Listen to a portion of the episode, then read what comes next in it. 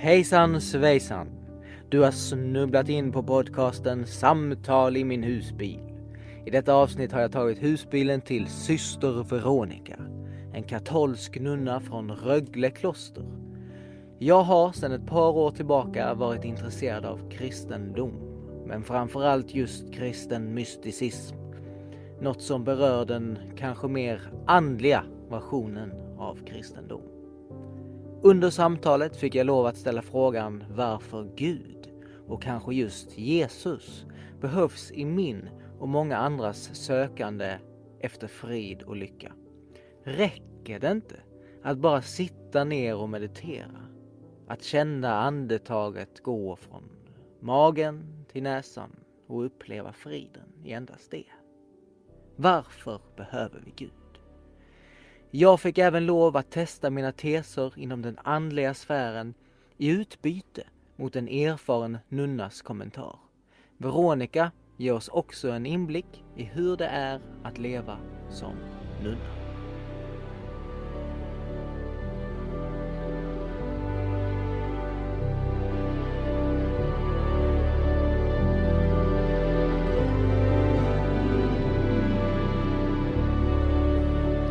Ja, så köpte jag husbilen och eh, kände eh, i mig att jag ville prata mer med människor Mm. och, och hör, lära mig om olika religioner och Mm, mm, mm, uppfattningar av mm. verkligheten. Ehm, och, och min plan är i sommar att jag ska åka runt genom hela Sverige Ja, och så ska jag eh, leta efter folk ja. Mm, och prata med. mm, mm, Så då kanske jag träffar någon som nu mm. och sen så frågar jag, känner du någon som... jo, som jag borde känner prata- folk i Dalarna. Ja. Så då Så kanske jag... Ja, Ja, alltså, så, ja, det är värt att intervjua dem. Ja. Har du någon som du tänker... Eh, Ja, Sådär. ja, Ingrid Eriksson ja? Ja men, från Örnsköldsvik. ja men lite så kommer det gå till tänker jag. Ja, Att mm, jag mm, mm, träffar mm. människor. Steg för steg. Ja, steg för steg. Ehm, och sen så kände jag länge att oh, men jag vill träffa någon eh, som bor i ett kloster, en nunna. Så jag skrev till eh, nunna eller munk. Så jag skrev till, eh, eh, vad heter de, eh, Karmelitbröderna? ja, Där Wilfrid Stinnesson. Ja. Men de, de vill inte. Nej, de är så få. Ja. Mm, Eh, Och nunnorna i Rydebäck också. Eh, Och, och munkarna i Glumslöv och sen så skrev jag till er och så svarade, svarade ja, du då. Ja, ja. Mm. Men sen är det Maria Wall, det är nära mm, Kristianstad Ja, eh, här. okej. Eh, Och, Finns det, är det också ett kloster? ja, mm, det är Benediktins systrar. Mm. Ja, mm. Mm. Och jag, jag har läst din bok. ja, ja. Eh, jag vet inte var jag har den. Jag tror jag har den, i min väska. Den var jättefin. Mm, mm. Var det olika brev som du har skickat till... Eh, De där, nej. Nej, det var dels en del artiklar jag redan hade skrivit och annat som jag skrev Mm. för boken. Alltså, ja, den första delen om dopet och ja. ja, Nej, jag skrev, eh, det är den första boken, mm, Vägar till bön, men den, den har tagit slut alltså. Nu ville jag beställa den men mm, de trycker inte den längre. Det var brev som jag skrev först, det blev sen en bok. Mm. Men ja. mm. Och jag satt igår och eh, läste och jag skrev ner lite frågor. För jag, Ja. jag ville ha det lite strukturerat för mig Mm, själv. För det man, när man ska gå djupt i något ämne så kan det vara skönt att försöka hålla sig till en struktur, tänker jag. ja, ja. Eh, Så jag satt igår och, och funderade lite på vad, vad vill jag att vi försöker att ge oss in på? Eh, och tänkte att, för jag, jag har länge sökt efter frid och Mm. lycka, Mm, sinnesfrid mest. mm, mm, Jag, när jag slutade gymnasiet så tog det slut med min flickvän som Mm. jag hade varit tillsammans med ja, och kände i mig att shit, det är något som saknas. mm, Jag söker efter någonting och jag vet inte var jag ska hitta det. Mm, mm, Jag reste till olika ställen i världen och kände att nej, jag hittar inte det någonstans. mm, mm. Och sen så min pappa har alltid hållit på med meditation Ja, ja. och eh, har följt en guru från Indien som heter Maharaji ja. Mm, och introducerade mig till meditation och jag kände Mm. att men här, när jag mediterar, där, Mm. då kände jag att mm, det finns något i mig som mm, resonerar och att jag hittar något som jag kanske eh, söker efter. Ehm, och det som jag vill fråga dig tror jag är ehm, Men varför behöver vi en Gud? Varför behöver vi Jesus? Mm, Eh, om, om jag har som avsikt att finna frid, att Mm. hitta lycka, mm, att må bra. mm, mm. Ja, ska jag svara på det? Ja, Ja, alltså att må bra, vad, vad betyder det? Alltså att må bra, att eh, är det meningsfullt? Vad är meningen alltså? Det, och ehm, för mig så räcker det inte med att må bra och om jag inte mår bra, om jag drabbas av olyckor, sorg, sjukdom, hur ska jag leva då, fortsätta att leva när jag inte kan må bra på det Mm. sättet. Va? Och för mig det som är viktigt är att vi är skapade. Vad betyder det? Det betyder att, att jag finns, att du finns. Det är inte av en slump. Alltså visst, våra föräldrar har förmedlat oss livet. Men de har förmedlat någonting som är större än dem. De är inte ursprunget, alltså de är inte källan. Mm. Ja, det är någon annan. Alltså det är Gud som har skapat oss. Mm. Och velat att just du och just jag skulle finnas till. Och ehm, alltså jag, jag håller på att skriva en bok om, eh, om Bibeln. Mm. De första kapitlen om eh, berättelsen i trädgården. Mm. Ja, skapelsen och Mm. synden. Och det är där man, man kan hitta någon tråd, alltså någon mening. Alltså Gud... Och, och det här är, är speciellt för den kristna tron. Alltså det har funnits många religiösa människor och stora tankare, tänkare i världen. Alltså när man tänker på de stora grekiska filosoferna, ja, Platon och Mm. Aristoteles och eh, de andra. Att ehm, för dem var människans lycka att älska Gud. Ja, ja, de hade kommit så långt att de kunde inse det. Eh, Men det de inte kunde tänka sig det är att Gud kunde älska oss. Ja. Mm.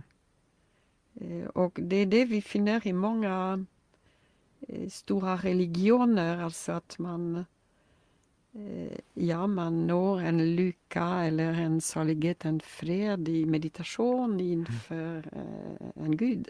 Mm. Men eh, finns det någon ömsesidighet? Mm. Längtar Gud efter dig? Eller? Och det är det som är den kristna tron, alltså att eh, Gud har sänt sin son. Alltså det är hela syndaberättelsen som jag håller på också att skriva om. Vad det betyder, alltså den här berättelsen om eh, Adam och Eva som äter ett äpple. Alltså det står inte något äpple i Bibeln. Nej, det gör inte det. Men man har, nej, det är en frukt. Det är Okej. frukten. Det är inte samma sak. Ja.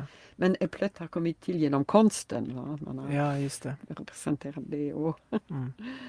Ja, jag tänker, ehm, för jag som sagt sökt mycket efter frid och glädje Ja, mm, och försökt motivera mig själv. Ja. Så. Men varför behöver jag Jesus eller en annan gud ja, mm, i mm. den här processen? Kan inte jag bara, ja men jag kan sitta själv, jag kan meditera.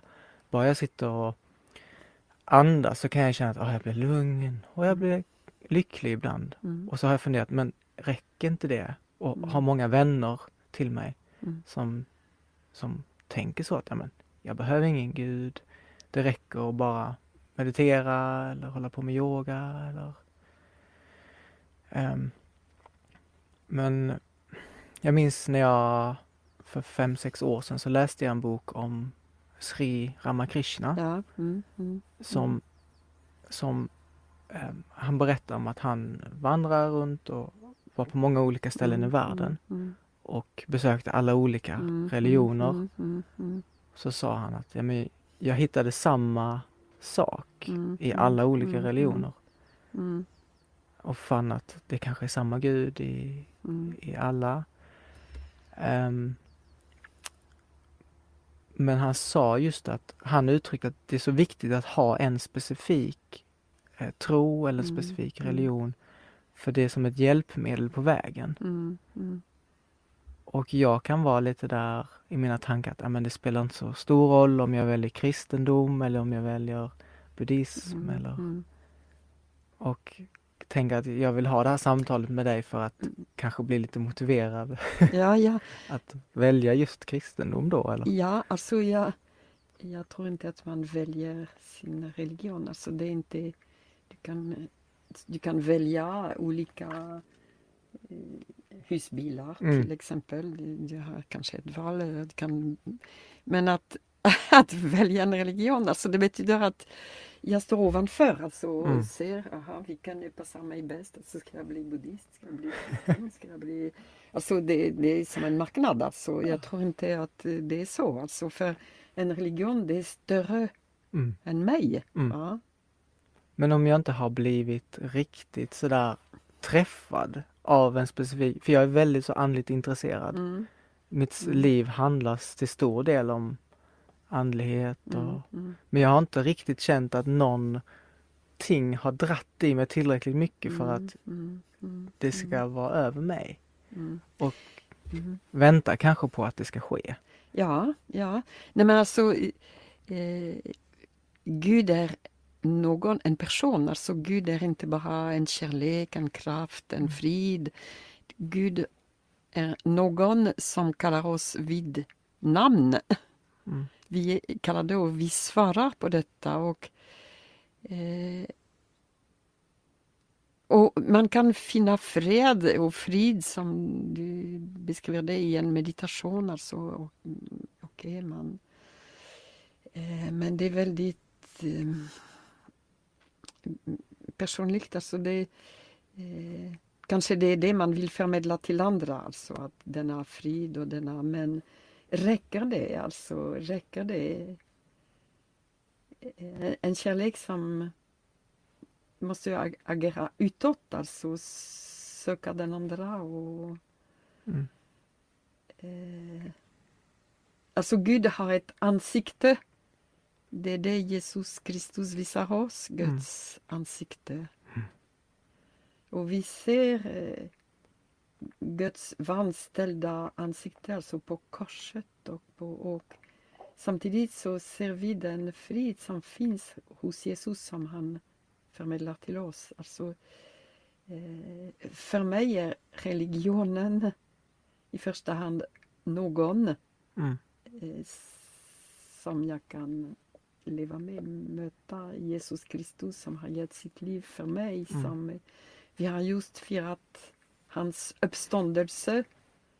Ja, han eh, levde en, ett jordiskt liv för 2000 år sedan men han har uppstått, han har segrat över döden Mm. i vilken vi var instängda och han öppnar vår, vårt hjärta. Alltså det... För hur kan man bara finna frid genom meditation? Alltså så när, när det går bra. Eh, alltså jag tänk, man tänker på länder som är i krig. Hur kan man leva i fred? Mm. Kan man meditera? Alltså kan man, Mm. Men man kan betrakta den korsfäste. Ja, Mm. ja. Jag tänker på en sak. Eh, för jag har eh, haft en jättefin eh, relation nyligen Mm, och, mm, mm. och ehm, som jag nyligen har gått ur. Men det känns bra. Ehm, och ehm, i den här relationen så kände jag men så skönt att känna att jag får leva för någon annan. Mm, mm, mm, Att jag inte bara behöver fokusera på ja, men jag ska skapa mitt företag, jag ska bli skådespelare, jag ska eh, ha en podcast. Alltså det, mitt liv som singel har varit väldigt mycket bara jag själv, jag själv. Och när jag får vara i den här kärleksrelationen och få leva för eh, någon annan, då har det känts som att vad skönt. Och kan väl känna att ja, men det är den här relationen jag vill bygga upp med Jesus, Ja. Mm. där det blir en mer personlig relation. Ja. Mm, mm, mm, Men jag har väldigt svårt för det. mm, mm, När jag sitter i kyrkan och lyssnar på gudstjänster, mm, jag har väldigt mm, svårt att bli berörd. mm, Jag blir oftast mm, irriterad mm, mm, och bara mm, känner, åh, men vad tråkigt. mm, mm, mm, mm, mm, mm. Ehm, ja, jag vill uttrycka att det finns en längtan i mig att vilja från den Mm, personliga mm, relationen. mm, mm. Men jag har svårt att hitta den. Ja, jo, jag förstår det. Alltså, men ehm, jag tänker på en man som um, helgonförklarades i fjol, Mm. som heter Charles de Foucault.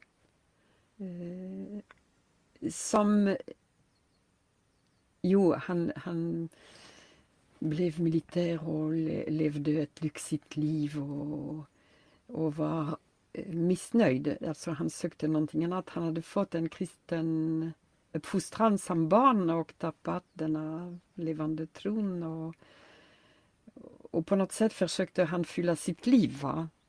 Men festade och... Men han... Eh, det var i början på 1900-talet. Han gjorde en upptäcktsresa till Marocko som var ett land som var stängt för europeer. Så det var farligt att Mm. gå dit. Så han, han klädde ut sig som en jude och för de var tillåtna där. Och han, eh, så han tog stora risker och han mötte eh, muslimerna och blev väldigt imponerad av deras bön. Alltså att flera gånger om dagen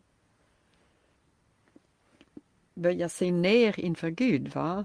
Alltså att det, det, eh, och när han kom tillbaka till Paris då, eh, han hade en kusin som var varm troende, en kvinna.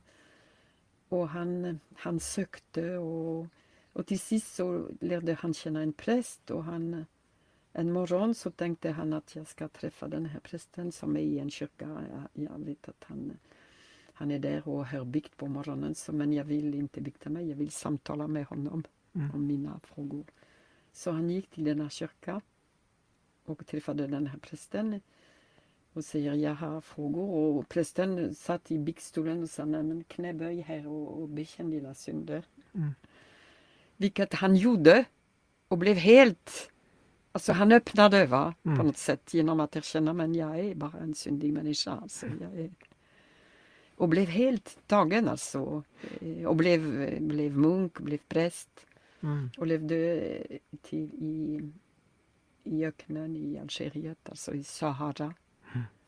Mm. Och mördades där under första världskriget. Okej. Så han dog 1914. Mm. Men eh, hans liv är spännande. Man har skrivit en del om honom eftersom han helgonförklarades. Och han ville grunda en kommunitet men han var så extrem i sin askes så ingen kunde leva med honom. Alltså. Mhm. Men efter hans död så blev det Jesu små bröder och små systrar och det finns i Sverige och i Norge och i Stockholm så finns det några som lever väldigt fattigt, alltså Mm. hittar ett enkelt jobb och lever bland folk, alltså Mm. ett liv. Leva efter hans, Ja, vad, vad Alltså- säger man, hans lära eller hans? Ja, han hittade ett, ett sätt att leva. Alltså för det finns, vi Dominikansystrar, det finns många sätt att, att leva klosterliv. Kan leva som här. Mm. Man kan leva i en lägenhet och ha ett vanligt jobb. Eller man kan, alltså det finns olika sätt. Men det som är gemensamt är att vi har känt oss kallade av Jesus Kristus att viga vårt liv åt honom. Alltså att avstå från att eh, ett mänskligt kärlek. Mm. Ja, Mm. bygga vårt liv med tillsammans med någon annan man. Varför inte? Och ha barn, det är fint Mm. också. Men det- här är på något sätt exklusivt. Alltså jag lever för honom. Mm. Eh, Jag har ingen man, aldrig haft någon man. Kan du känna att du har saknat det? eh, Att ha man och, och barn och Mm, Nej, jag saknar inte det. Alltså det är ett annat liv. ja. Det är ett annat liv. Men man måste vara konsekvent också med sitt liv. Alltså att eh, vara trofast, trogen denna kärlek och det är inte alltid lätt för mm, för ofta känner man ingenting, alltså det är tron och det, det är det jag skrev om i den här boken. Eh, eh, ett nytt liv. Ja. Ja. Att tron är verkligen en, en, en gåva från Gud. Eh, vi, vi har fått det i dopet. Och tron, det är just någonting annat än denna frid som man kan känna i meditation. Alltså det, eh, det, det, det är en, en säkerhet. Alltså jag vet att Gud finns. Jag vet att Jesus har dött för mig. Han har gett sitt liv för mig.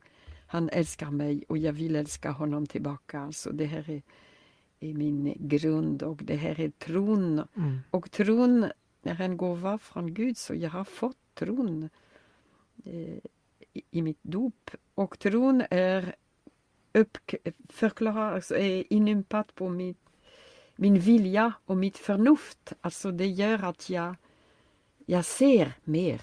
Ja, jag ser Guds mysterium, alltså jag ser Mm. Gud.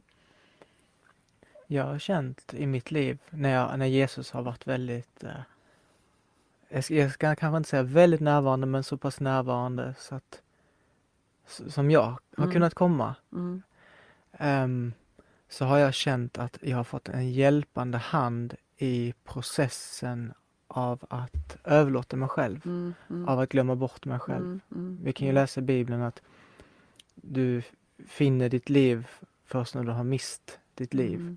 Mm, Du måste dö innan du kan leva. mm, Och det känns som den processen är väldigt tuff att gå igenom. Mm, Och med hjälp av den här hjälpen som jag kan känna ibland att jag har fått från Jesus så är det som att jag har vågat släppa taget om fler och fler mm, grejer. Mm, mm, mm, mm. Och det har varit väldigt så argumenterande, eller vad ska jag säga, motiverande för mig. Att ja, men jag behöver Jesus för att eh, våga ta mig igenom den här Mm, processen mm, från mm. att släppa taget om mig själv och låta det sanna få leva genom mig. Mm, mm, Som det står i mm, Bibeln, mm, att nu finns inte längre jag, mm, nu lever Jesus Kristus genom mm, mig. mm, mm, mm, mm.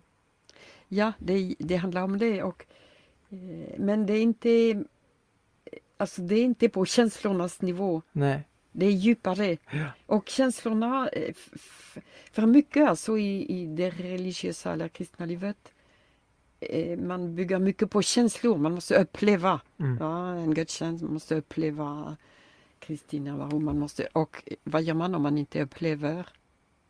Har man ingen tro då? Mm. Nej, alltså tron är djupare, mycket djupare än känslorna. Mm. Känslorna kommer och går skönt om man känner Mm.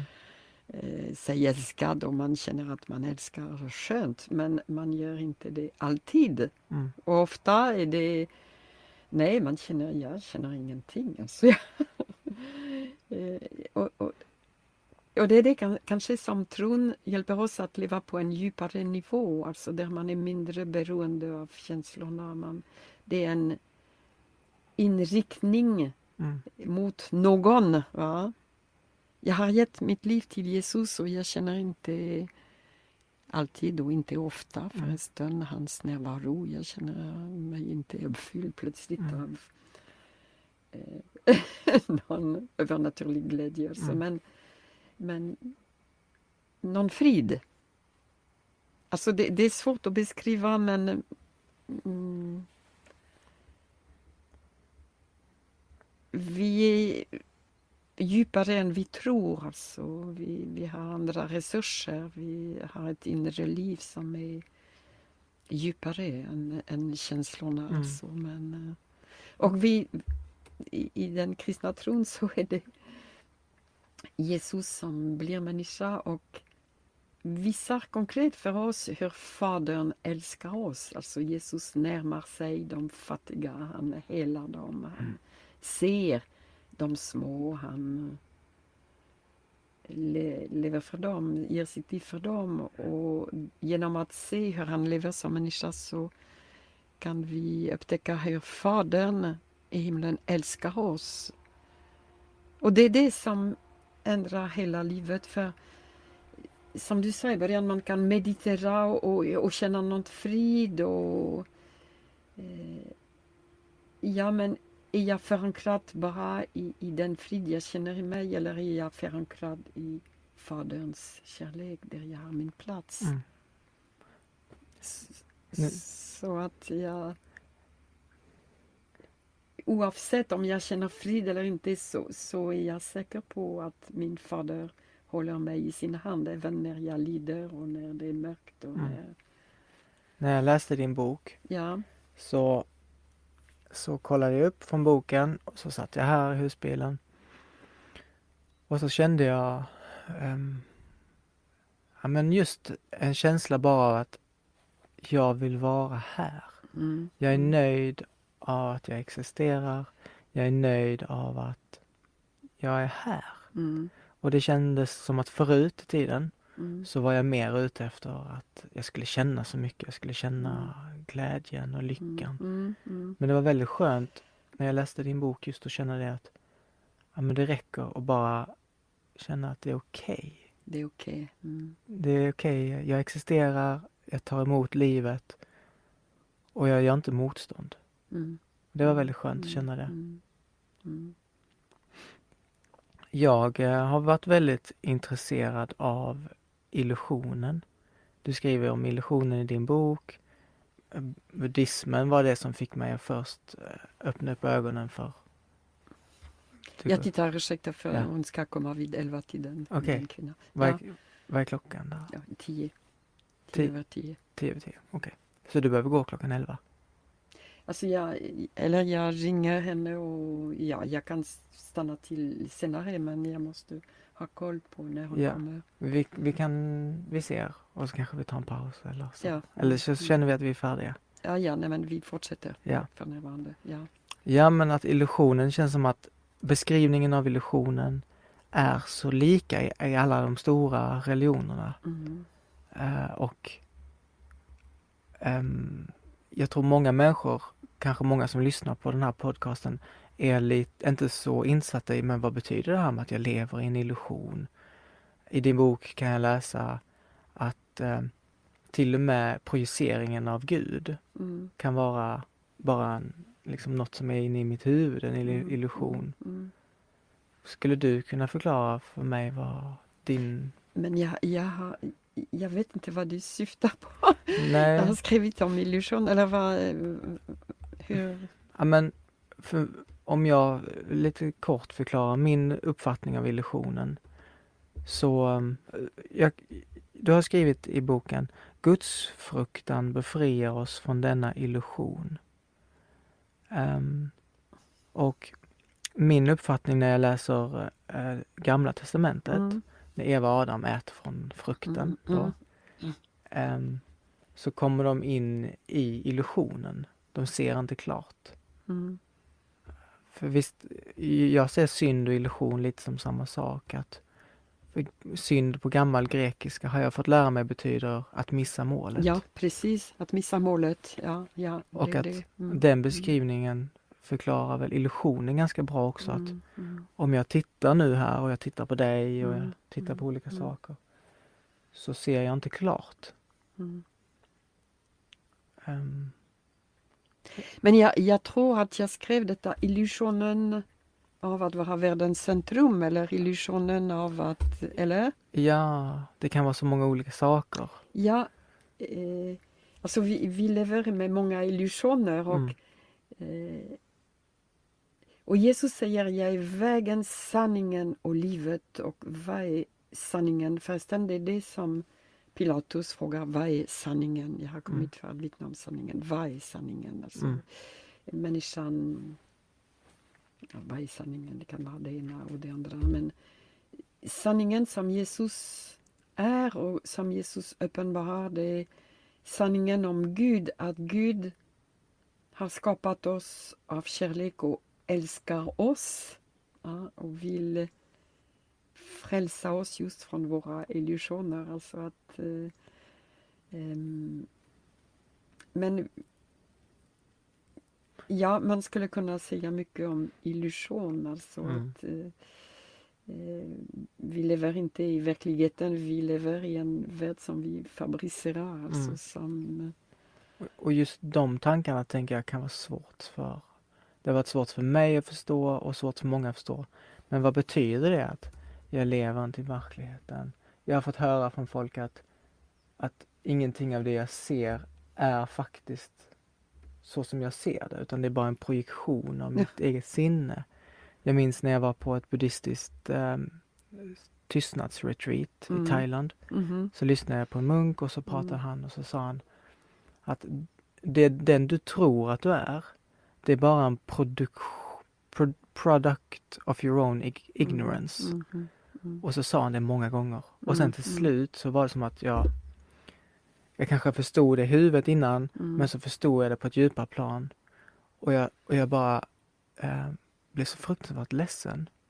För jag kände att mitt liv har handlat om ah, vad andra människor tycker och tänker om mig. Mm. Att jag ska framstå som en snäll människa, Mm. Mm. Min, min roll i en kompisgrupp. Och när den här munken då fick mig att inse att nej men det är inte det, Mm. som livet Mm. handlar om. Mm. Mm. då var det som att jag bara tappade allt. Mhm. Mm. Och grät i flera Mm. dagar. Ja. Mm. Mm. Det var som att hela meningen med mitt liv Mm. Mm. försvann. Mm. Mm. Och så fick jag bygga upp någonting nytt Mm. Mm. efter det. Mm. Mm.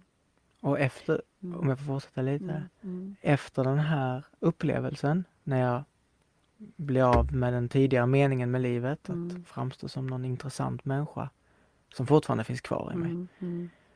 Så ser jag då en, en hund och jag ser en flakmoped köra upp för en kulle. Och det var inget så jättespektakulärt. Men när jag ser det så är det som att jag bara ser det vackraste jag någonsin har sett. Och jag börjar gråta jättemycket. Jag är inte så gammal, jag är bara 20 år gammal då. Mm. Mm. Och tänker, men vad är det som händer? Ja. Hur kan något vara så otroligt vackert? Och det hände flera gånger i mitt liv när jag så tog upp en snigel någon gång. Jag bara wow, så otroligt vackert. Och det berör liksom på Mm. hjärtat. Mm. Mm. Mm. Och jag har tänkt lite att ja, men det kanske är detta att eh, för det mesta lever jag i en illusion, jag ser inte klart. Men ibland så får jag lov att se klart. Ehm, Ja, ja, men alltså vi...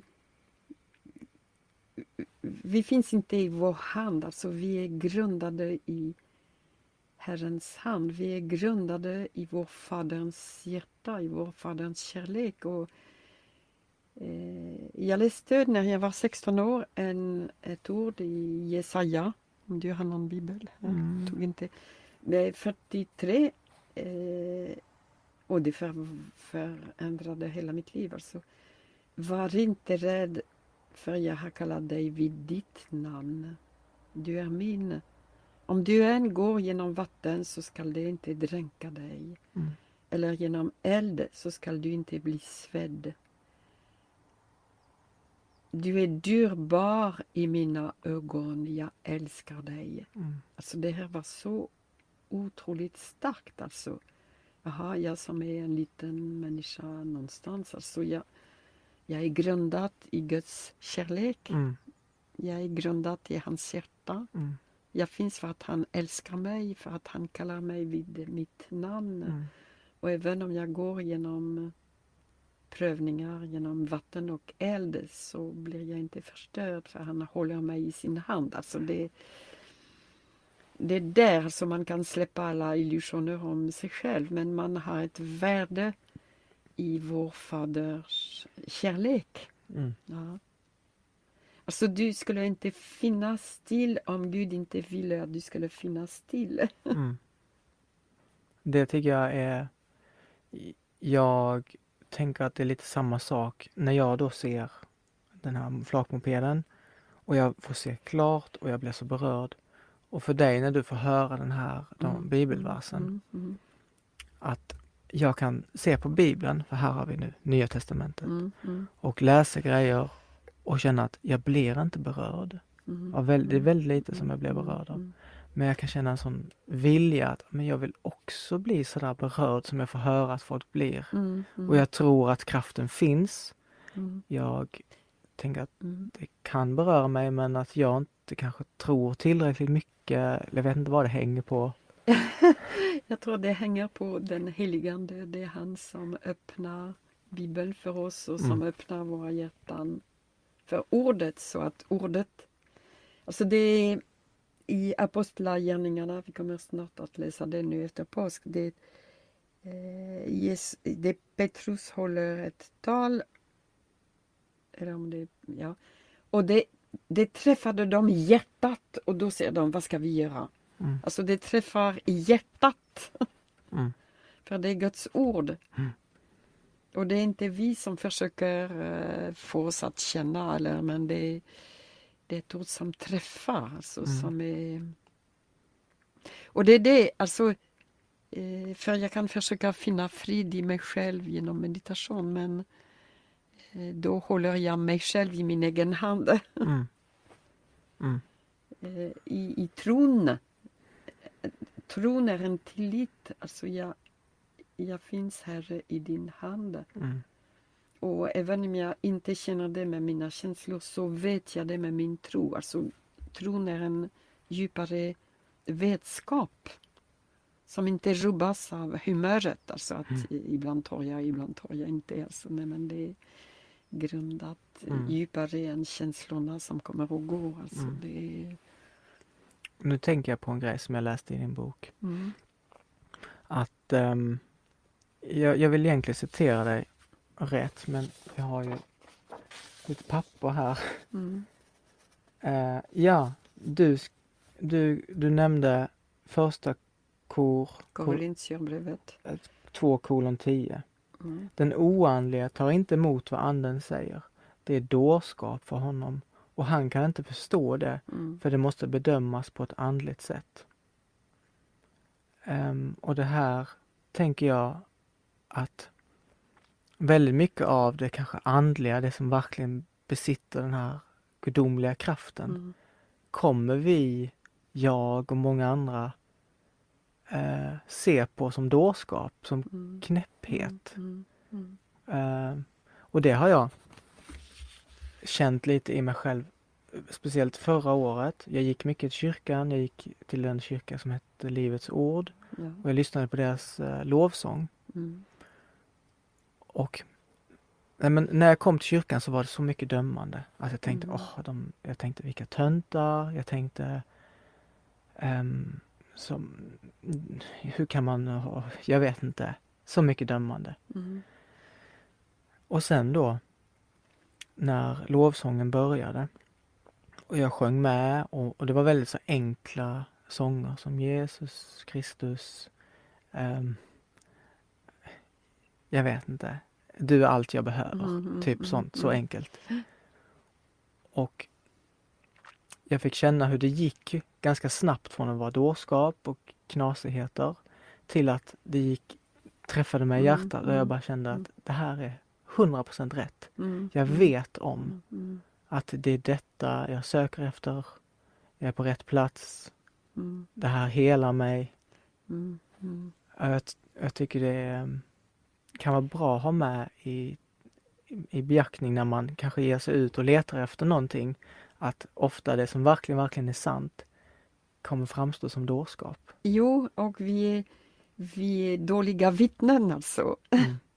Vi som är kristna, många gånger. Mm. Alltså, När folk ser oss så tycker de att det är inte så mycket. Alltså, men, så vi, vi måste vittna om någon annan, Mm. den som bor i oss. Alltså, Mm. Det är inte vi med våra brister och Eh, ja. Alltså en, en församling kan avskräcka folk alltså. Mm. Mm. Och ändå, eh, om man inte låter sig avskräckas så kanske man upptäcker ändå hemligheten. Alltså det, Mm.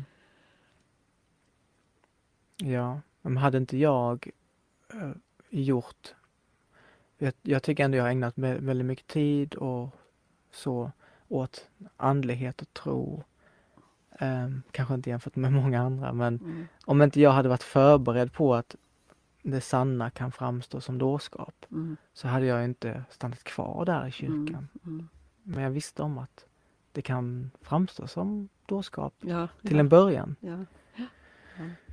Mm, Men eh, han grep tag i mig, alltså det är Jesus som griper tag i oss. Och Mm. Jesus är den gode herden. Denna berättelse om de hundra får, alltså det är dårskap. Alltså när Jesus säger vem av er som har hundra får och kommer att tappa en, ett, lämnar inte de 99. Ingen skulle lämna de 99, det är inte klokt. Mm. Ingen. Mm.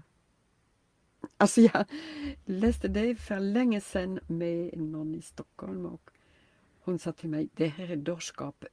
Hon sa, jag kan tala om för dig att jag, jag var herdinna för tio kor. Mm. Hade jag tappat en ko så skulle jag inte ha lämnat nio för en. Mm. Det är dårskap.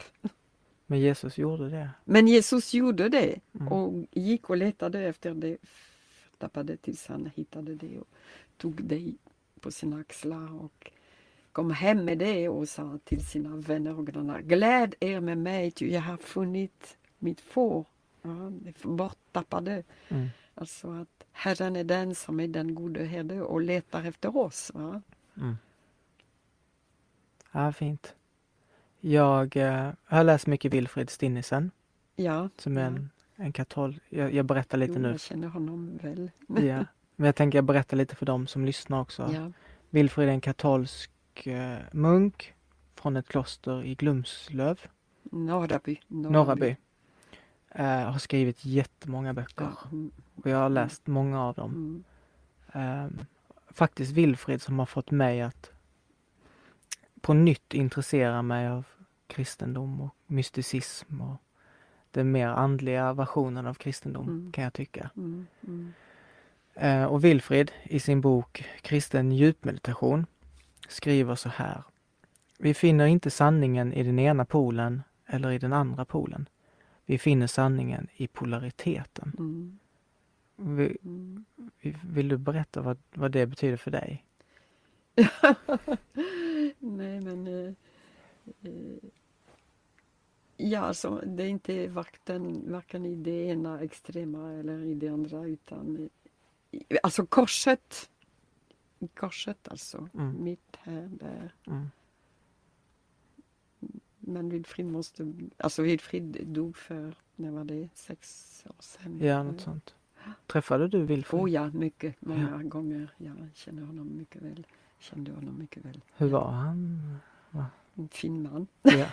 ja. Fin, andlig. ja. Mm. Mm. Ehm.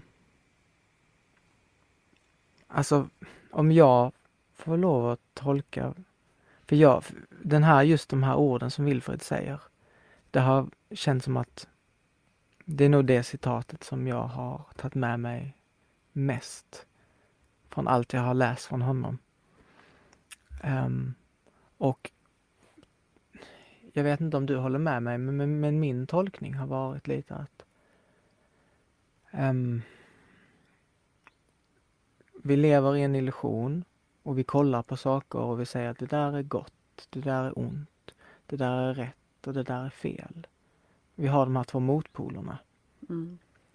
Eh, och Wilfrid då säger att men vi finner inte sanningen i den ena polen eller i den andra polen utan i polariteten. Och tolkat det lite som att om jag säger att eh, eh, den här grejen är det som är rätt och, upp, och det finns uppenbart en motpol och just det där, det där är fel. ehm, då så kan jag inte riktigt hitta sanningen i det för att den ultimata sanningen har ingen motpol. Mm. Ehm, det, det, det känns som just det här citatet kan gå väldigt djupt och det kan Mm. vara svårt att Mm. förstå för mig med. Förstår inte riktigt vad jag pratar om ens men jag vet inte, när jag har fått så här upplevelser av eh, andlighet och när jag får känna på vad jag faktiskt är och vad som finns i mig så har det känts som att det finns inget rätt och fel. Mm. Utan allt, det finns en bibelvers där det står eh, Gud, är det dem du väntar på? Nej, jag vet inte vem det är. Nej. Det finns en bibelvers där det står att, jag kan inte citera exakt nu, Mm. men det står något i stil med att eh, ehm, Gud finns i eh, Gud finns över oss, Gud finns bland oss, Gud finns i allt. Mm. Visst står det någonstans i Bibeln så? Jag tror det är Jesaja eller jag vet inte. Och just då, men om Gud finns i allt, så har jag använt det väldigt mycket som att, ja men då kan jag också gå till buddhistiska center eller mu- muslimska mässor och Mm. försökt hitta Gud i det. Ja, nej, men Gud... eh, Om Gud är i allt. Gud är... En, Gud är någon, alltså Gud är inte bara en kraft. Det är det som Jesus... Och det är det som skiljer kristendomen från andra religioner. Alltså det är att Gud har visat sitt ansikte i Jesus Kristus. Eh, Gud är inte... Alltså allting är inte Gud. Mm. Alltså, och det är det, när man läser skapelseberättelsen, Gud skapar och Gud såg att det var gott. Alltså det betyder att skapelsen är inte en del av Gud.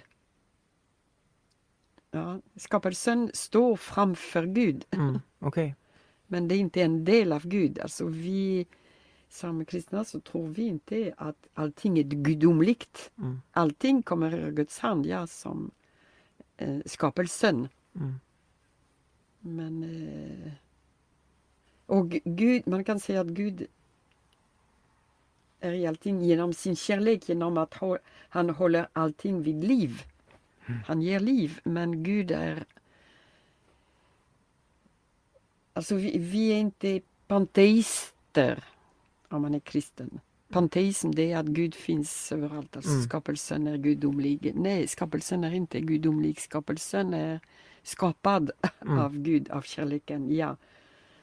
Och håller sin, sitt väsen från skaparen. Men eh, alltså, och det är därför Gud vill komma i samtal med oss.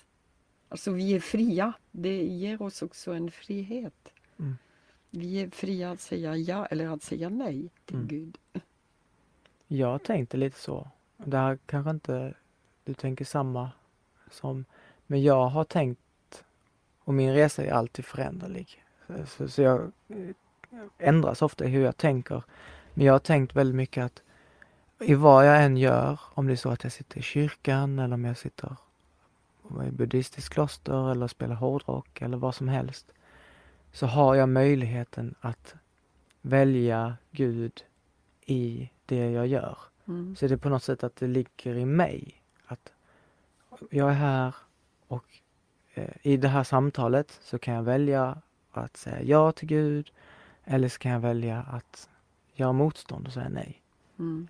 Har tolkat det lite som, eller jag ska inte säga tolkat, jag tror att det är så i allt. I vad jag än väljer i vilken plats jag än hamnar på, i Mm. vilken eh, kyrka eller tro jag än är i. Så kan jag välja Gud eller så kan jag mot, göra motstånd mot Gud. Jo, men att välja Gud, vad innebär det? Alltså vad, att välja Gud det är att ge sitt liv Mm, för sin nästa. Att, att eh, ja, att ge sitt liv. Att, det, det är en paradox. mm, Det är en paradox. Att på något sätt dö för sig själv.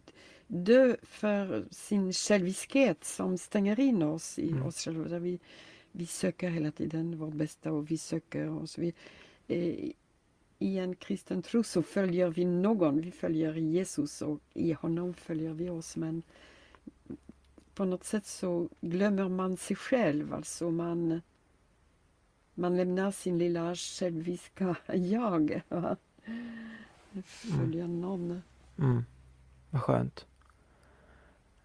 Det finns nog en längtan för mig ofta att få göra det, att få lämna mitt själviska jag. Mm, som du uttrycker det. Mm, mm, mm. Jag, jag läste det här också från någon av Wilfrids böcker. Och jag tror det är Teresa, någon av Teresorna, Ja, ja. som säger Det sker ingenting på jorden utan att Gud har ett finger med i spelet. Mm, Ehm, och jag har skrivit att ofta ställer vi synden i motpol till det som är heligt och beskriver synden kanske att vi ser synden som dåligt och fel. Men kanske är synden lika viktig som allt annat. Synden är alltid en katastrof. Alltså Ja. synden, vad är synden? Alltså synden det är att säga nej till kärleken. Mm. Men, men om det står att det sker inget på jorden utan att Gud har ett finger med i spelet så ser jag, ser jag det som, och jag kan se i mitt liv också att jag har behövt göra de här misstagen, jag har behövt säga nej, jag har behövt göra motstånd för att på något sätt bygga upp en längtan och bygga upp en kärlek kanske eller Alltså man kan säga att just det förlorade fåret, vad gör herden? Han går i det förlorade fårets spår mm, för att hämta det. mm, Man kan inte säga att... Jo, alltså att, att fåret har avlägsnat sig så mycket, det, det gör att herdens kärlek blir mer uppenbart. Men det är kärleken som blir uppenbart, det är inte synden. ehm, Alltså, det, det, det, Gud kan förvandla vår synd, alltså Gud kan förlåta, men synden i sig är inte något gott. Nej, det kan man inte säga. Alltså, Mm. Det är inte likgiltigt. Alltså, synden är verkligen att säga nej till kärleken. Alltså, man ser det om du känner den här berättelsen om den förlorade sonen. mm, berättelsen om den förlorade sonen är egentligen berättelsen om Adam, den första människan.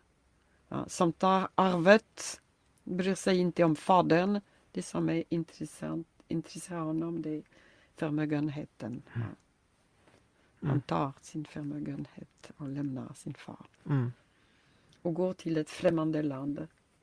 Och det är märkligt, det är märkligt varför han har en enorm förmögenhet. Va? mm, Men det rinner honom ut ur händerna. Det blir ingenting av det. Varför det? Alltså, kan inte bygga upp någonting. mm, Förlorar allting och till sist så blir han svinväktare. Som är det värsta för en jude. Alltså svin var orena djur. Ja? ja. Just det. Och han svälter ihjäl och, och tänker att han skulle gärna äta samma mat som svinen men ingen gav honom. Det, det här har fått mig att tänka också. För jag har tänkt, han är ute va? Ingen ser honom, han kunde lika väl ha ätit. Men ingen gav honom. Alltså det räcker inte att man tar maten, man måste, Mm. det måste vara en gåva. Någon ger dig mat. Mm. Det ser ingen bryr sig om honom, alltså han kan dö där som en Mm. dåre.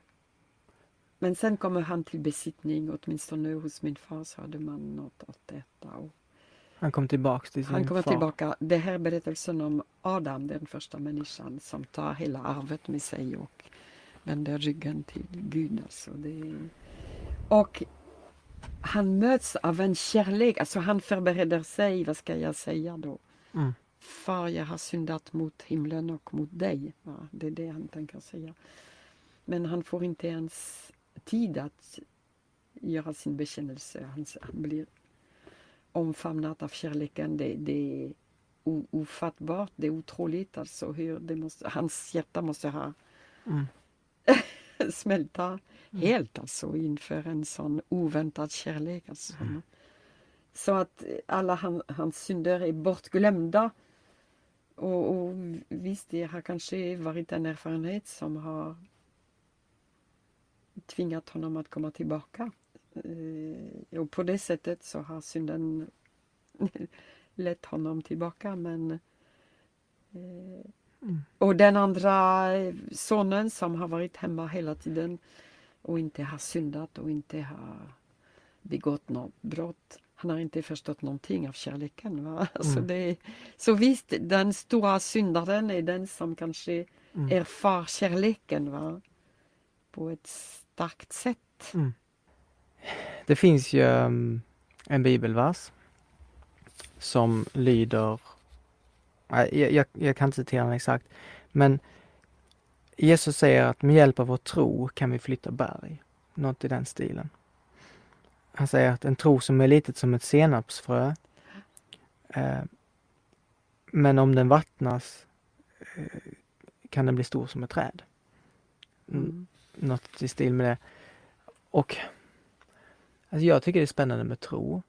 Och om jag verkligen tror på någonting så kan det nästan ske mag, alltså, över, nästan ske övernaturliga Mm, saker. mm. Som Jesus säger att man kan flytta berg. Och Jesus kunde hela äh, människor och så. Eh, finns det här fortfarande kvar i 2023? Att Ja, det är klart. vi kan hela och... Jo, jo visst, visst. Men tron, alltså flytta berg.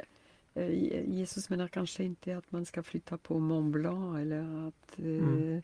det är berg i våra hjärtan, berg av otro, ber- berg av hårdhet, Mm. berg av själviskhet, Mm. alltså alla dessa berg. Men jag tycker det är spännande att beröra ämnet eh, just med övernaturlighet och Finns det kvar idag att det finns Nej människor men som... övernaturlighet, vad betyder det? Alltså det, det? Världen är inte bara den värld vi ser. Alltså Ja. det, det finns en andlig dimension, en andlig väg. Så, så Jesus menar inte att jag ska flytta på den här kullen. Alltså jag träffade en gång en man, det var i Umeå. Mm, Han sa att jag, jag har en stuga vid havet där och jag har bett att Gud skulle flytta på kullen som finns där och ja, det har inte skett. mm, Så Gud finns inte. mm. Ja, du är en dåre. Ja, Vad, vad är det för vits med att flytta det här berget? Men sker det, handlar kanske om din otrosberg i ditt hjärta. ja. men sker, sker det helande och sånt? sker helande, ja. Är, är ni med om det här eller är du med om det ibland? Ja, jag har varit, sett det. Jag har, ja, jag har sett folk som har blivit helade. Ja. Mm, Mm. mm. Nej men jag tycker det är spännande bara. Ja, ja. Men Jesus är inte ute efter att göra sådana tecken som... eh, Men eh, Jesus, Jesus är ute efter att förvandla våra hårda hjärtan till hjärta av kött. Mm, Ja. Jesus är ute efter att befria oss från vår själviskhet som är, stänger in oss mm, i oss själva eller från vårt högmod som får oss att se ner på andra. Alltså det är det, dessa berg i Mm. oss som hindrar oss från att ta emot kärleken. Man ska inte gå och vänta på det övernaturliga då. Nej men vad är det övernaturliga? Alltså är det eh, att flytta eller att säga att trä, gå och plantera dig någon annanstans. Alltså det, Mm. det övernaturliga i, i den andliga världen, alltså i våra hårda hjärtan, ja. Mm, Men varför skulle Gud ändra på naturen som han har skapat? Alltså Mm. det... Mm. Så jag tror inte att det handlar om eh,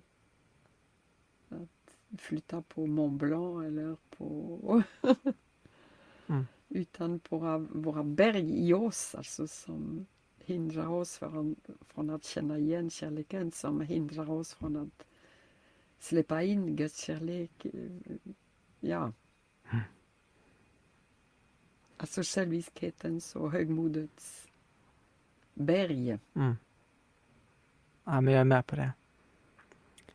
ehm, jag har en kompis Ja. som sa ett eh, fint citat en gång. Och hon sa ehm, att vi ofta, ofta säger många människor att jag tror först när jag ser. Mm. När jag ser någonting, då tror jag. Alltså då kanske man pratar om övernaturliga saker eller eller, eh, ja, men jag tror på Gud först när jag ser någonting. När jag blir, när jag får se något magiskt. Men det finns, så vände hon på det och så sa hon, men ehm, eh, tänk så är det som så här att jag ser först när jag tror. Ja, tron öppnar våra ögon och vi ser. Ja. Vi ser. Vi ser. Alltså Gud är inte ute efter att överbevisa oss. Mm, Se, jag är en magiker, jag kan göra saker. Alltså, det är Mm. inte så. Alltså, men ett ödmjukt hjärta som söker Gud Mm. finner Gud. Alltså, Mm. det... ja, jag blev väldigt så, jag, jag gillar det väldigt mycket och jag kan tänka mig, både för min egen del och för många andra, att man kanske går runt och väntar på att någonting ska hända.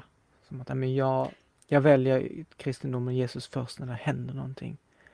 Men det kanske inte händer någonting förrän jag väljer att tro. Ja, och det händer saker och ting men du ser inte. Ja, precis. Vad är det som händer då? Mycket. I människornas hjärta, i världen. I... Se, se, öppna era ögon. Alltså, eh, för du väntar, väntar på att Gud gör en viss sak som Mm. inte Gud gör. Mm. Och då tror du inte att Gud gör någonting. Mm, eller hur? Ja, men det är den heligande som öppnar våra inre ögon så vi börjar se. Mm. Börjar se. Mm. Det finns, jag, jag vet inte om, jag, jag, jag säger det så får vi se Mm, mm. om det uppstår något. Äh, återigen från boken Djupmeditation Mm. så, så citerar Wilfred Stinnesen en psykoanalytiker som heter Dennis Wasse. Ja, Denis Vass. Ja, det är en fransman. Och Dennis Wass säger Gud är aldrig objektet för vårt behov. Även om man måste erkänna att det är tack vare detta lockbete som vi bestämmer oss för att börja vår vandring.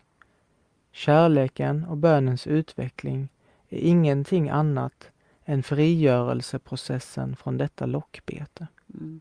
Mm. Och för många kristna tror jag det kan vara lite kontroversiellt. Att kalla Gud för lockbete.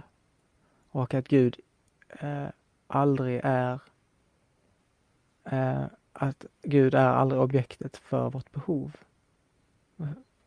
Vad betyder det för dig? Nej, va, eh, ja, vad vad är poängen? Nej men, Alltså, det är så svårt. Att, ja, att lockbete, alltså Gud drar som han... Alltså Gud har en sån längtan efter oss. mm, Så han kan dra oss på många olika sätt. Alltså det, om det är det som Denis Vass säger, det vet jag inte. mm. Säg en gång till att Gud... är aldrig objektet för vårt behov. Även om man måste erkänna att tack vare detta lockbete som vi bestämmer oss för att börja vår vandring. Ja, alltså man, det, det är lite abstrakt så här. Alltså om man hade ett exempel så skulle man kunna förstå lite Mm. vad, vad som menas här. Det övergår min förmåga just nu. Ja, för jag kan, om jag får tolka det lite, så ser jag det som att ehm, för Wilfrid skriver att eh, han, han har kallat för himmelriket för upp och nervänt. Mm. Som att det som vi kan möta i himmelriket, det kan vi aldrig riktigt tänka oss till. Det står ju också i Bibeln att himmelriket kommer inte vara så, si eller så. Vi kan inte tänka oss till himmelriket. Mm. Ehm, och så står det att himmelriket finns inombords. Mm. Och om jag då har en idé om Gud, jag har, så, så kanske den här idén av Gud som jag har är lockbetet för mig. Men sen så när jag väl kommer till klippan där liksom den här transcendensen ska ske så blir det som att min tidigare idé av Gud släpper jag bakom mig. Mm. Och så får jag falla in i, i där Gud får vara precis det han är. Ja, ja, ja. Utan Ja, projiceringar. Men våra idéer om Gud är aldrig, alltid för små. Ja, precis. Alltså Gud är en annan. Mm. Gud, men visst, vi, vi kan lockas jo, av en viss bild av Gud. Men sen upptäcker vi att nej, men Gud är en annan. Mm. Gud är en annan. Alltså vi kan inte fånga Gud. Men Mm. ja, Mm. Ja. Det är väl lite där jag har tänkt i min vandring på det här i det andliga, där jag har tänkt att ja men om min, Gud, om min idé av Gud ändå ska släppas taget om, om det bara är en projicering. Varför behöver jag den projiceringen, projektionen då? Om jag ändå någon gång ska släppa taget och men man ska släppa taget hela tiden. ja, Gud är alltid en annan. Gud är Mm. inte som vi tror. Gud är en annan. Mm. Så det är inte bara vid ett tillfälle man Nej. släpper taget utan det är hela det, tiden. Hela tiden. Alltså Gud är alltid större. Gud är alltid eh, en annan. Titta nu kommer det någon. Jag undrar om det är den gäst jag väntar. Ja. Jo. Eh, Jo, alltså jag, jag måste ta emot henne. ja, det är klart. Kan man öppna ett fönster och ropa att hon Vi kan öppna här. Innan hon sätter sig ner? Hallå! Hallå! Veronica är här inne. Ska vi ska jag öppna upp dörren? Ja, hallå? Jag kommer, jag kommer. Jag kommer till dig. Jag kommer. Vänta på mig. Ja, jag känner inte henne. Men...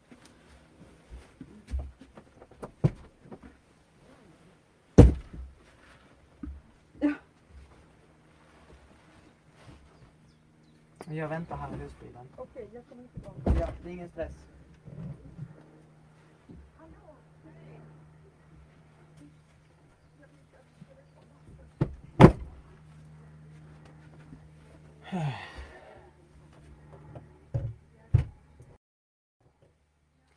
Ja, då kom det någon person som Veronica skulle möta upp. Och jag sitter här och tänker att Ja, jag vet inte. Jag, jag känner att jag inte är så himla nöjd med mina frågor. Det känns som att jag har... Eh,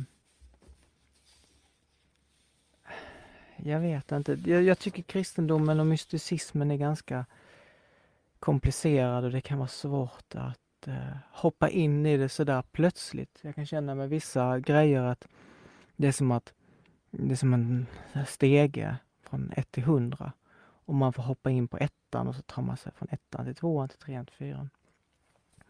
Jag försökte igår när jag satt och skrev och försökte skapa en struktur i hur jag ville att samtalet skulle ledas och så inser jag att men shit, jag kan inte sitta här och försöka följa en struktur. Eh, vad blir det för genuinitet från min sida då att jag försöker leda ett samtal? Och jag vet inte. Men jag utvecklas i det här. Eh, det här är ju bara mitt fjärde avsnitt som jag sitter och spelar in. Och jag hoppas väl att jag blir bättre på det från gång till gång. Men jag tänker att jag får passa på att um, Ja, jag får passa på att dela mina tankar om kristendom och så för jag um, kommer från en kristen familj. Um, mamma är kristen och hennes släkt är kristen och jag, jag ehm, fick väldigt mycket av den varan i, i unga år. Och min pappa är eh, ehm, intresserad av meditation och följer en guru som heter Prem Rawat Maharaji. Och effekten och resultatet av det här blev att jag vill inte följa något av dem. Jag snarare sa absolut nej, nej, nej till båda två. Um, mamma försökte få med mig till kyrkan och jag sa jag vill inte, jag vill inte. jag, jag vill bara ut och supa och dricka sprit och vara med mina polare. Så var någon, någon gång jag var ute och festade och morsan hämtade mig. Jag är stupfull. Sen tvingar hon upp mig på morgonen. Du ska med till kyrkan. Sitter man där bak och gungar fram och tillbaka av bakfylla. Så det har hänt några gånger. Eh, och man bara känner, vad är det här för skit jag lyssnar på? Det, det finns, jag bryr mig noll procent. Det är så fruktansvärt tråkigt. Och jag kan känna det fortfarande. Men ändå sitter jag här.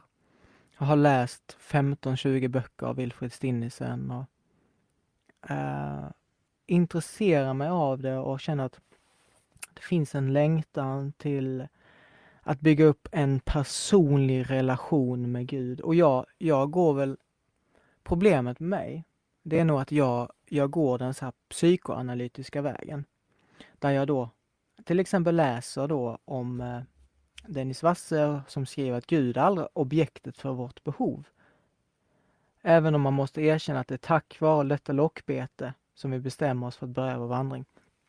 Och om jag läser det här, då inser jag att jaha, så de här idéerna jag kan ha om Gud, berättelserna jag hör, tankarna om förlåtelse, om synd, om helan, jag vet inte alla begrepp. Det, det blev som teater för mig. Att ja, om jag tror på det, om jag verkligen, verkligen tror på det kan det beröra mig och jag eh, kan gå djupare in i mig själv, jag kan släppa taget om mig själv och, och finna mig själv ännu, ännu mer. Men jag kommer inte undan från den här idén om att det är bara skådespel.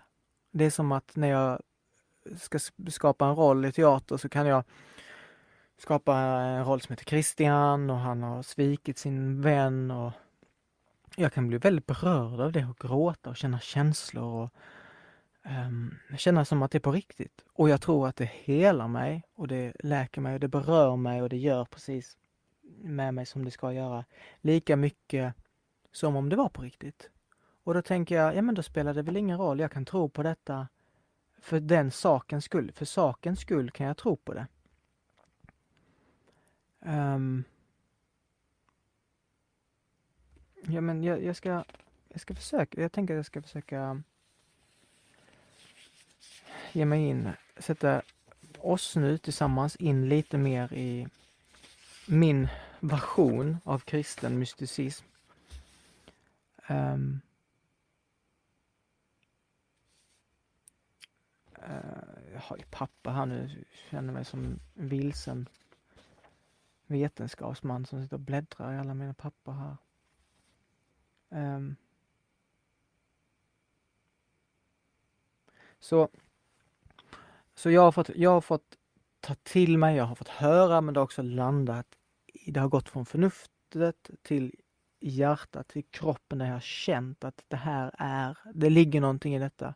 Och det är att vi lever i en illusion där vi inbillar oss att ah, men det där är viktigt och, och status och, och jag ska ha, ha, karriär, jag ska ha pengar, jag ska bli känd och alla de här grejerna. Och jag har känt så många gånger i mitt liv att nej men, jag, jag vill ha något mer, det räcker inte för mig. Och så har jag blivit introducerad till tro, till religion och, och eh, Krishna och alla de här olika grejerna. Och känt att okej, okay, det finns någonting utanför den här illusionen eh, som vi kallar för Gud. Men jag kan aldrig se utanför illusionen, så allting jag beskriver för att vara utanför illusionen suger jag in i illusionen. För att Gud kan aldrig beskrivas med ord, koncept, begrepp och bilder. Så fort jag säger att Gud är en han, hans son, eh, kom ner till jorden. Då börjar vi använda oss av orden och då blir det direkt en del av illusionen. Um, och, och då har jag tänkt, som jag brett pratade med Veronica om, men varför då? Varför behöver jag Gud om det bara är en del av illusionen? Kan jag inte hålla på med konst, kan jag inte hålla på med teater, kan jag inte åka runt i världen och klättra i berg och försöker komma i kontakt med Gud genom det då. Eh, och då kan jag argumentera mot mig själv och säga att nej men för att den här processen som vi tar oss igenom, där vi verkligen är inbitna i illusionen, där vi är helt uppslukade av illusionen, eh, till att vi inser att shit, jag är en del av allt. Um, i, när, vi, när, man tar nattvard inom kristendom så säger man eh, vi är delar av en och samma kropp. Eh, vi är alla delar av en och samma kropp. Um, så allting är ett i princip. Det är, det är det som är sanningen utanför illusionen. Som är nu beskriven med ord, vilket också gör en del av illusionen. Det, det är komplicerat det här. Men för mig att släppa taget, släppa taget, släppa taget, släppa taget och komma närmare, närmare, närmare den här klippan där jag står vid illusionens, klippans rand och bara ska släppa taget om det sista. Och det sista tänker jag då som man ska släppa taget om och det här har jag pratat med andra människor på, inom olika uppfattningar av verkligheten. Eh, då släpper man taget om sin egen uppfattning av Gud. Om man har varit troende. Det är, det är det sista man släpper taget om. Och för att ta sig dit, till det här steget, så har vi behövt Gud för att om man ska släppa taget om vissa grejer om uppfattningen av tid, om uppfattningen av... Um, det, det, kan vara väldigt abstrakta grejer som man inte riktigt kan sätta ord på men ibland så bara släpper man taget om vissa grejer och man vet inte vad man släpper taget om. Men det var, det var fruktansvärt svårt. Um, mycket identitet, identiteter. Jag har identifierat mig väldigt mycket som vegan, som grodd-Jonas, som intressant eller, eller snarare att jag vill vara intressant som snäll människa, som eh, min roll i alla olika relationer. Och jag fick uppleva en gång eh, på en festival så satte jag mig i någonting som heter en svetthydda. Då går man in i en hydda som är som en bastu, det är kolsvart, det är ganska lågt i tak. Man sitter typ 12-13 stycken där inne. Och det är fruktansvärt varmt och man sitter där inne i, jag vet inte, tre timmar kanske. Um, en liten paus, man får gå ut en liten stund, sen går man in igen. Och man får inget vatten och behöver man kissa så bara kissar man ner i sanden. Så det, det, det är lite äckligt, det är kolsvart. Ehm, folk börjar skrika där inne för att um, under tiden som man sitter där så sitter det en ledare som berättar en berättelse om en man som vill få evigt liv. Och han träffar en ängel och ängeln säger om du vill ha evigt liv så, så måste du dö. Och då säger han okej, okay, men jag kan dö. Och så säger ängeln, men du är inte redo att dö, du håller fast vid för mycket saker. Så då går han tillbaks, släpper taget om grejer och då gör vi det tillsammans i cirkeln. Vi släpper taget om saker på ett eh, visuellt sett i huvudet då. Sen så kommer man tillbaka, så säger ingen nej men du måste släppa taget om fler grejer. Och så säger ledaren, okej, okay, tänk på nu någonting som är riktigt, riktigt nära dig. Någonting som du känner är så, så du, du, du behöver detta för att överleva. Din mamma kanske, eller din, din flickvän, eller ditt företag, eller vad det än är. Och nu släpper du taget om det. Släpp taget om det. Um, och när man har gjort den steg efter steg efter steg och kommit tillbaka och sen till slut då, nu släpper du taget om det som du håller fast vid allra, allra mest. Och då var det Jesus Kristus för mig. För jag satt där hela tiden och bara grät och jag, alla, alla grät. Det är ganska brutal eh, upplevelse. Eller scenario, snarare brutalt scenario. Och jag grät och jag satt och bad så Jesus Kristus, Jesus Kristus, hjälp mig, Jesus Kristus. Så jag kände som att det här är min sista hållhake. Och sen så, Eh, okej okay, nu släpper du taget om det sista, okej okay, jag släpper taget om Jesus Kristus. Och jag släppte taget och jag Alltså det kommer ur ett sånt skrik ur mig. Som börjar med som ett vanligt skrik men övergår till något nästan satanistiskt skrik sådär.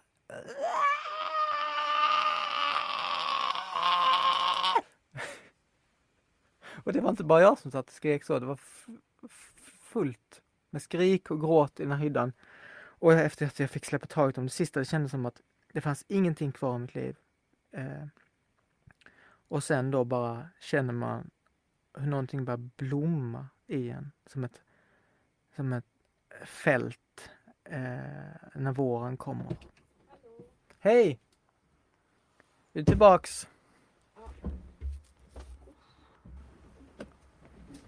yeah. Välkommen tillbaka. vänta, jag gör man för att... Jag kan stänga, den är lite svår att stänga. Ja. Var det någon som skulle gå på retreat? Ja, hon kommer för två, tre dagar, så ja. Okej. Vad hon gör det vet jag inte riktigt.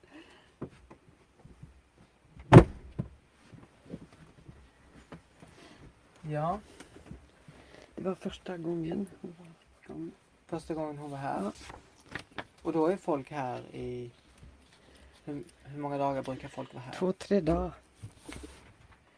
Och vad gör de då? Vad gör de? De promenerar, de ber, de läser, de vilar. Ja. Ja. Har ni någon typ så andlig... Eh, eh, när- där ni har gudstjänst eller? Vi har många gudstjänster varje dag. Ja.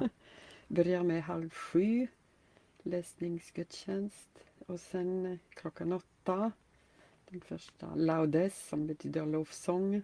Mm. Och sen kvart i tolv, eh, rosenkrans och middagsbön. Och sen halv sex, fem tystbön, halv sex vesper och mässan, när vi har mässan. Och 20 i nio kompletorium, så det är den struktur som vi har i vårt liv. Men är du med på alla de? Nej. Ja, visst.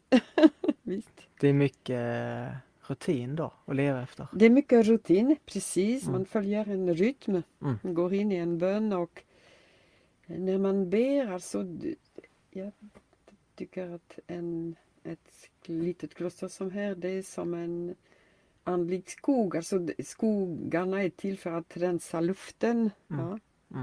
Mm. Så genom denna bön och denna närvaro inför Gud så hjälper vi till att rensa den andliga luften som folk kan andas. Alltså. Mm. Mm. Mm. Jag har haft mycket så här beroenden och begär. Mm. Så jag har känt att ah, ehm, jag, vill ha mina desserter jag vill äta mycket mat. Speciellt när jag känt att jag inte mått så bra. Då har Mm. maten varit eh, det som har fyllt hålet i mig. Mm. Mm. Jag hade en gång så satt jag på bussen på väg hem. Jag var väldigt ledsen och, och började bygga upp en idé om att ja, men när jag kommer hem, för det var sent, det var så ett på natten.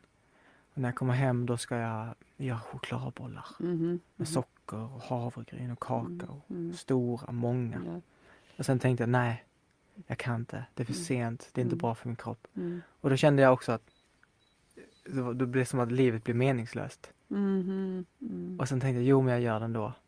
Och så fylldes jag av så mening med livet. Mhm. Och vad mycket, alltså jag tänker vad många av oss människor som är så otroligt beroende av maten, av snus, av cigaretter. Va, vad tänker du det gör med oss människor, det här dagliga vardagsberoendet? Jo, nej, men alltså det, det är klart att vi behöver äta för vi, vi har inte livet i oss. Vi Mm. tar emot Mm. den. Och det, det är inte bara ett fysiskt behov, det är ett andligt behov. Alltså Bibeln talar mycket om att äta. Och den första synden det är att äta. Mm. Ja. Att, och, i, och det istället för att ta emot gåvan så roffa åt sig. Mm. Man roffar åt sig och man tillfredsställer sina egna behov. Mm. Och egentligen eh, våra behov är i första hand ett behov av kommunion, alltså av relation, av att säg mig att jag finns, se Mm. mig, Mm. ja, bekräfta mig. Och när vi inte har en tro på, på Gud så försöker vi på alla sätt fylla detta tomrum med chokladbullar Mm. eller allt möjligt. Va? Mm. För vi har inte livet i oss, vi tar emot det. Tänk, vi andas Mm. hela tiden. När vi slutar andas så dör vi, alltså, Mm. det vill säga livet kommer utifrån och in. Mm. Mm. och det är likadant med det gudomliga livet, alltså utifrån och in. Mm.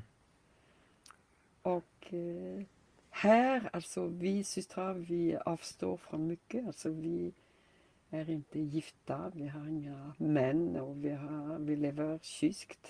Mm. Eh, ja, det, det är en begränsat liv här.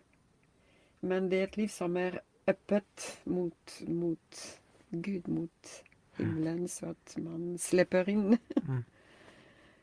Herren och eh, ti- ti- till andras, för andras Alltså vi lever inte bara för oss själva, alltså i, i vår bön så det är inte för att vi ska må bra genom att be på det sättet. Alltså Mm. vi ber oavsett om vi känner för det eller inte för vi, vi ber för hela världen ja, Mm. i vår bön. Jag har nog ofta känt, jag ska bara rätta till din mikrofon lite, så den är lite mer framför. Ja. Jag har nog ofta eh, känt och tänkt att allt finns i mig. Min pappa och många andra som jag träffat har pratat mycket om att men, allt finns här inne. Det, det är bara detta du behöver. Du behöver bara sätta dig ner, känna andetaget och där finns allt. Men den här bilden av att livet kommer utifrån och in. Kanske också jag kan se framför mig när eh, eh, brödet och vinet. Det är också Mm. att vi får liv Mm. kanske genom att äta Mm. brödet och vi Mm. dricker vinet. Ehm, och den, det tilltalar mig och jag känner att jag blir berörd av den, Mm. jag vet inte, den visdomen kanske att det faktiskt är någonting här utanför som kommer in i oss och ger oss liv. Mm. Mm. Det är nog det jag har haft svårt att acceptera. Mm. Jo, men det, det, det är det att vara skapad. Alltså vi är skapade varelser och det är inte... Vi är inte färdigskapade när vi föds. Mm. Ja, vi skapas, vi tar, em- vi tar emot livet Mm. hela tiden. Alltså, vi är inte själv... Eh, alltså folk i vår tid, de vill vara självförsörjande. Ja. Man ser till sina behov själv. Man Mm. ska tillfredsställa sina behov. Man ska se till att självförsörjande, själv... eh, Nej, vi är inte självförsörjande. Vi, vi är som tiggare som tar emot vårt liv Mm. hela tiden. Och Gud vill komma in i oss och fylla vårt hjärta. Eh, Och det här, vare sig vi känner det på känslornas nivå eller inte, alltså det där för mig är viktigt för eh, jag är, för mig är bönen inte bara upplyftande och att jag känner åh så skönt, jag är hos Gud. Nej, nej, jag ska sitta här en halvtimme. Jag är här inför dig och jag känner ingenting men jag ger dig Mm. denna halvtimme även om jag tycker det är tråkigt. Mm. ja, alltså att på något sätt att lämna sin själviskhet, denna själviskhet där jag själv ser till mina behov och där jag själv tar hand om mig. Nej men ja, det är Herre, det är du som ger mig liv. Alltså det är Mm. du som är min glädje, det är du som är mitt liv. Du. Mm. Mm. Har du någonting som du känner att du vill prata om eller som du vill lyfta? Nej men det, det jag kanske vill lyfta det är denna glädje man har att leva här som är eh, inte alltid på känslornas nivå att man känner sig upplyft eller exalterad. Ibland är det i den gråa vardagen Mm. som glädjen av att att ge sitt liv till, till Gud, till Herren och Herren är den som ger sitt liv för andra, så att leva för Gud, det är inte själviskt. Alltså då öppnas hjärtat och många ryms Mm. ja, i, i vår bön, alltså hela Mm. världen. Alltså vi, det är ingen... Ja, det ska jag säga att det är ett fördolt och spännande liv. Mm. Fint. Ja. Ja, jag, jag kommer att tänka på en sak. Eh, när jag bodde i Örnsköldsvik förra året så um, gick jag mycket till kyrkan, lovsång. Och som jag nämnde innan då, att jag kunde känna mig väldigt dömande. Och, um, och eh, då, då, var det som att det fanns en kommunikation med Jesus. Så det var som att, men Jesus varför är jag så här dömande? Förlåt mig för att jag är så dömande. Och så var det typ som att jag kände att men det är okej. Okay. Det är okej, okay. mina synder är förlåtna. Mm, mm, och då, och då så, så kunde, mm, återigen, det är mycket känslor i mitt liv som jag har varit ute efter och, och har känt mycket. Jag tror jag är en väldigt så kännande människa.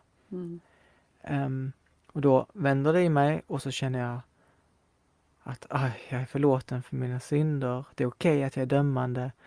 Och så blir jag väldigt berörd och jag sjunger och jag, och jag, och jag gråter.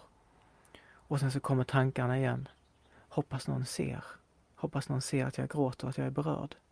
Så att jag kan bli bekräftad som en människa som känner mycket känslor.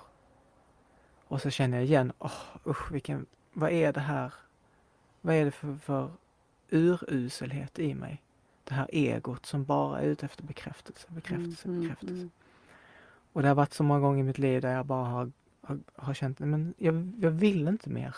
Jag mm. orkar inte mer. Det bara går i den här loopen av att till och med när jag känner att jag blir berörd av Gud mm. så är det, kommer det här egot ändå in och bara, ah, men nu kan du nu kan du bli bekräftad i det. Mm, mm, mm, När ska det ta slut? Ja, det tar slut i Följ mig. Säger Jesus, följ mig. Det är en hemlighet alltså att följa honom och att förlora sig själv.